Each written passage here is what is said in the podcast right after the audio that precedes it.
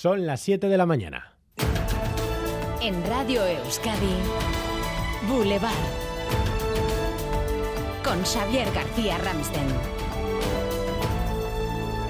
Good night, Frank. Gary, could you please tell us what is it for you to be here 25 years later? I don't know yet. it's fantastic. Fan- Muy fantastic. You wanted to be here during the weekend. You've been the weekend here in Bilbao. Yes, I love it. I love Bilbao. Why? Is it important?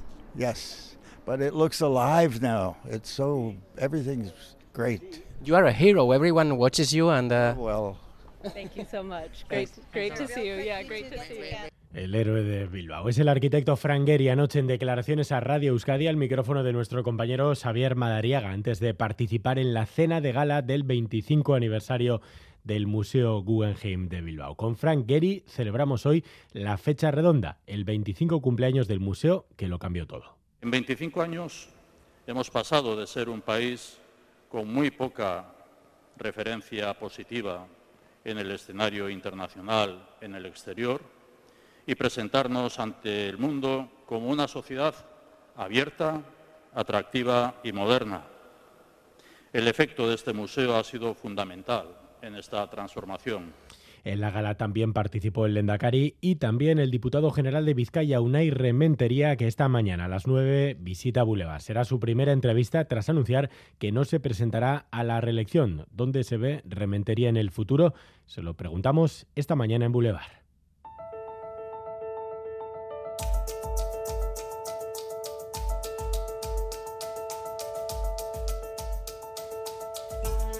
¿Qué tal, Egunon? Enseguida vamos a estar además en Guecho, en el puerto de Bilbao, donde acaba de atracar su primer crucero con destino Miami. Chaso Güemes. El barco Sirena de la compañía Oceania. A bordo viajarán cerca de 400 personas de diferentes nacionalidades. Guecho es el último puerto en el que recalan. El viaje les ha permitido navegar por Portugal y parte de Francia. Ahora toca volver a casa a Miami. Quien pillará ese barco. Estaremos en el puerto de Bilbao y también hoy vamos a estar en París y en Bayona, huelga general en toda Francia. El desabastecimiento de la gasolina en varias partes del país por la huelga de las refinerías, la alta inflación o la congelación salarial han generado un malestar social global. Hoy se esperan afecciones en el transporte público, el de mercancías, la educación, los hospitales, los puertos. Toda una prueba de fuego para el gobierno de Manuel Macron. Y en España, por cierto, el Consejo de Ministros va a aprobar hoy un nuevo paquete de medidas ante la subida de precios de la energía. Entre tanto, la ministra de Economía ha dejado caer la posibilidad de eliminar las ayudas al pago de la gasolina. Y por eso esa es la única medida que hemos incluido en el presupuesto con carácter, digamos, estructural, con vocación de, de permanencia.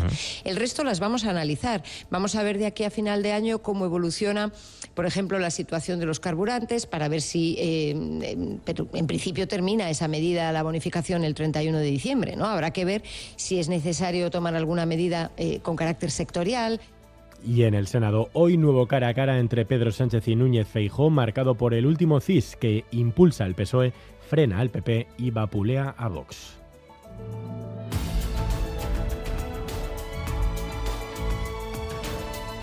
Es martes 18 de octubre y más noticias que repasamos junto a Leire García.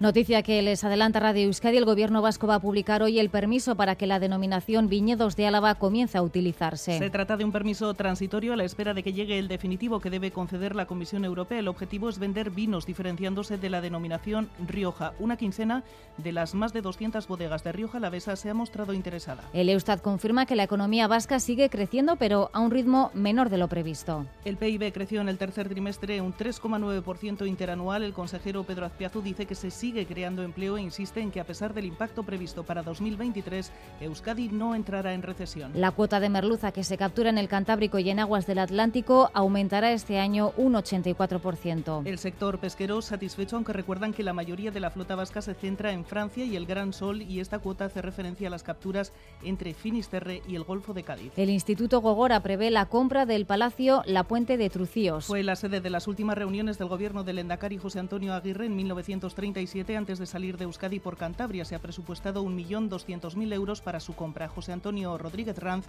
viceconsejero de Derechos Humanos y Memoria.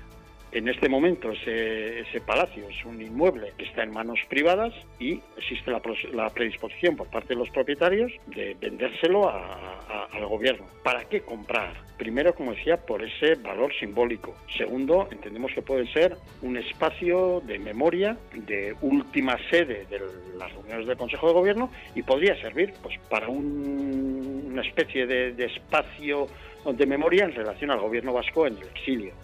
Feliz martes, Aritz Aguirre, Egunon. Egunon, feliz martes, salvo que tengáis a vuestro padre al lado, mirándoos como lo hacía ayer Felipe González a Pedro Sánchez en su exposición de 40 años de democracia, que lo hacía recordando en plan... Yo soy tu padre. Y vaya careto, Felipe parecía el ex en la boda o el cuñado en trámites de separación que al final va a la cena familiar de Nochevieja, con recados subliminales como... Las dudas no tienen más remedio que resolverlas con la almohada. Y una vez que se levanta y da la cara al público, no le puede trasladar sus dudas. O la de, mira lo que yo conseguí, hijo. 202 diputados tampoco eran demasiados. Teniendo en cuenta que Pedro Sánchez tiene 120. Y recordando los pactos con el PP y la derecha, esos sí que eran tiempos y no los de ahora, que los jóvenes sois. Cuando hicimos los pactos de la Moncloa, tan queridos hoy día, si se pudieran volver a repetir. Tampoco Ramsden se quedó corto Pedro Sánchez. Hoy ningún español se sabe más que nadie. Y después la de... no nacimos para decirle a cada cual lo que quiere oír en cada momento, sino para bueno, tomar pero con orden, ¿eh? que tampoco le soltó González la de aquella vez de sobre sus pactos con Podemos. Sufro de esta dinámica en la que entramos, que se parece mucho al camarote de los hermanos Marx, bueno, buen rollo, ¿eh? Lo vamos a aderezar Ramsden y Chaso recordando a Claudio Biern y sus bandas sonoras de dibujos animados. A ver si reconocéis esta. Hombre, claro. ¿Cómo no? la sintonía de, nuestra infancia. Que sois de los míos, ¿eh? De, de los de la EGB. Como decías tú, Ramsden. Equilicua, ¿no? Hay que pelear. Es. Ya te lo meto yo en directo, ya nos conocemos. Feliz martes. Feliz martes, vamos con el tiempo. Boulevard. El tiempo. Hace mucho calor, la verdad es que estamos teniendo una mañana casi veraniega. Previsión para las próximas horas, Euskalmet, Javier Munarri, Egunon. Caixo 1, hoy la jornada se presenta prácticamente con tiempo veraniego, con sol y con temperaturas altas. Y es que el viento va a seguir soplando del sur con cierta intensidad, eh, sobre todo en zonas de montaña y en la costa, y los termómetros se llegarán a rondar o alcanzar los 30 grados en muchas zonas de la vertiente cantábrica, mientras que en la vertiente mediterránea se quedarán sobre los 25 o 26 grados. En el cielo, algunas eh, nubes medias y altas, sobre todo por la tarde, pero en general se impondrá el sol, aunque en el Valle del Ebro la niebla podría persistir hasta el mediodía. Por tanto, hoy viento sur, temperaturas altas y ambiente soleado en general. A esta hora tenemos, atención, 24 grados en Donostia, 21 en Bilbao, en Sornocha, 18 en Zumárraga, 17 en Biarritz, en Agurain y en Tudela, 16 en Vitoria-Gasteiz y 14 en Iruña. 688-840-840, ahí nos pueden mandar ustedes también la temperatura. Si hay más de 20 grados en la localidad donde se encuentran, cuéntenoslo. Egunon, zarautzen hogeita lau gradu, ongi izan, aizia. Egunon, Mendaro 22 grados, agur. Egunon, Zumaia naizea dabil eta hogei gradu ditugu. Ondo izan.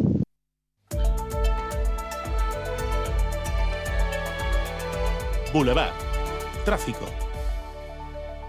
Maider Martín, ¿tenemos algún problema hasta ahora en las carreteras? Bueno, dos puntos de atención en este momento, según el Departamento de Seguridad, ambos por averías en turismos. El primero de ellos en la N637, el corredor del Chorierri, entre Lezama y el túnel de la Rabetsu, sentido Baracaldo.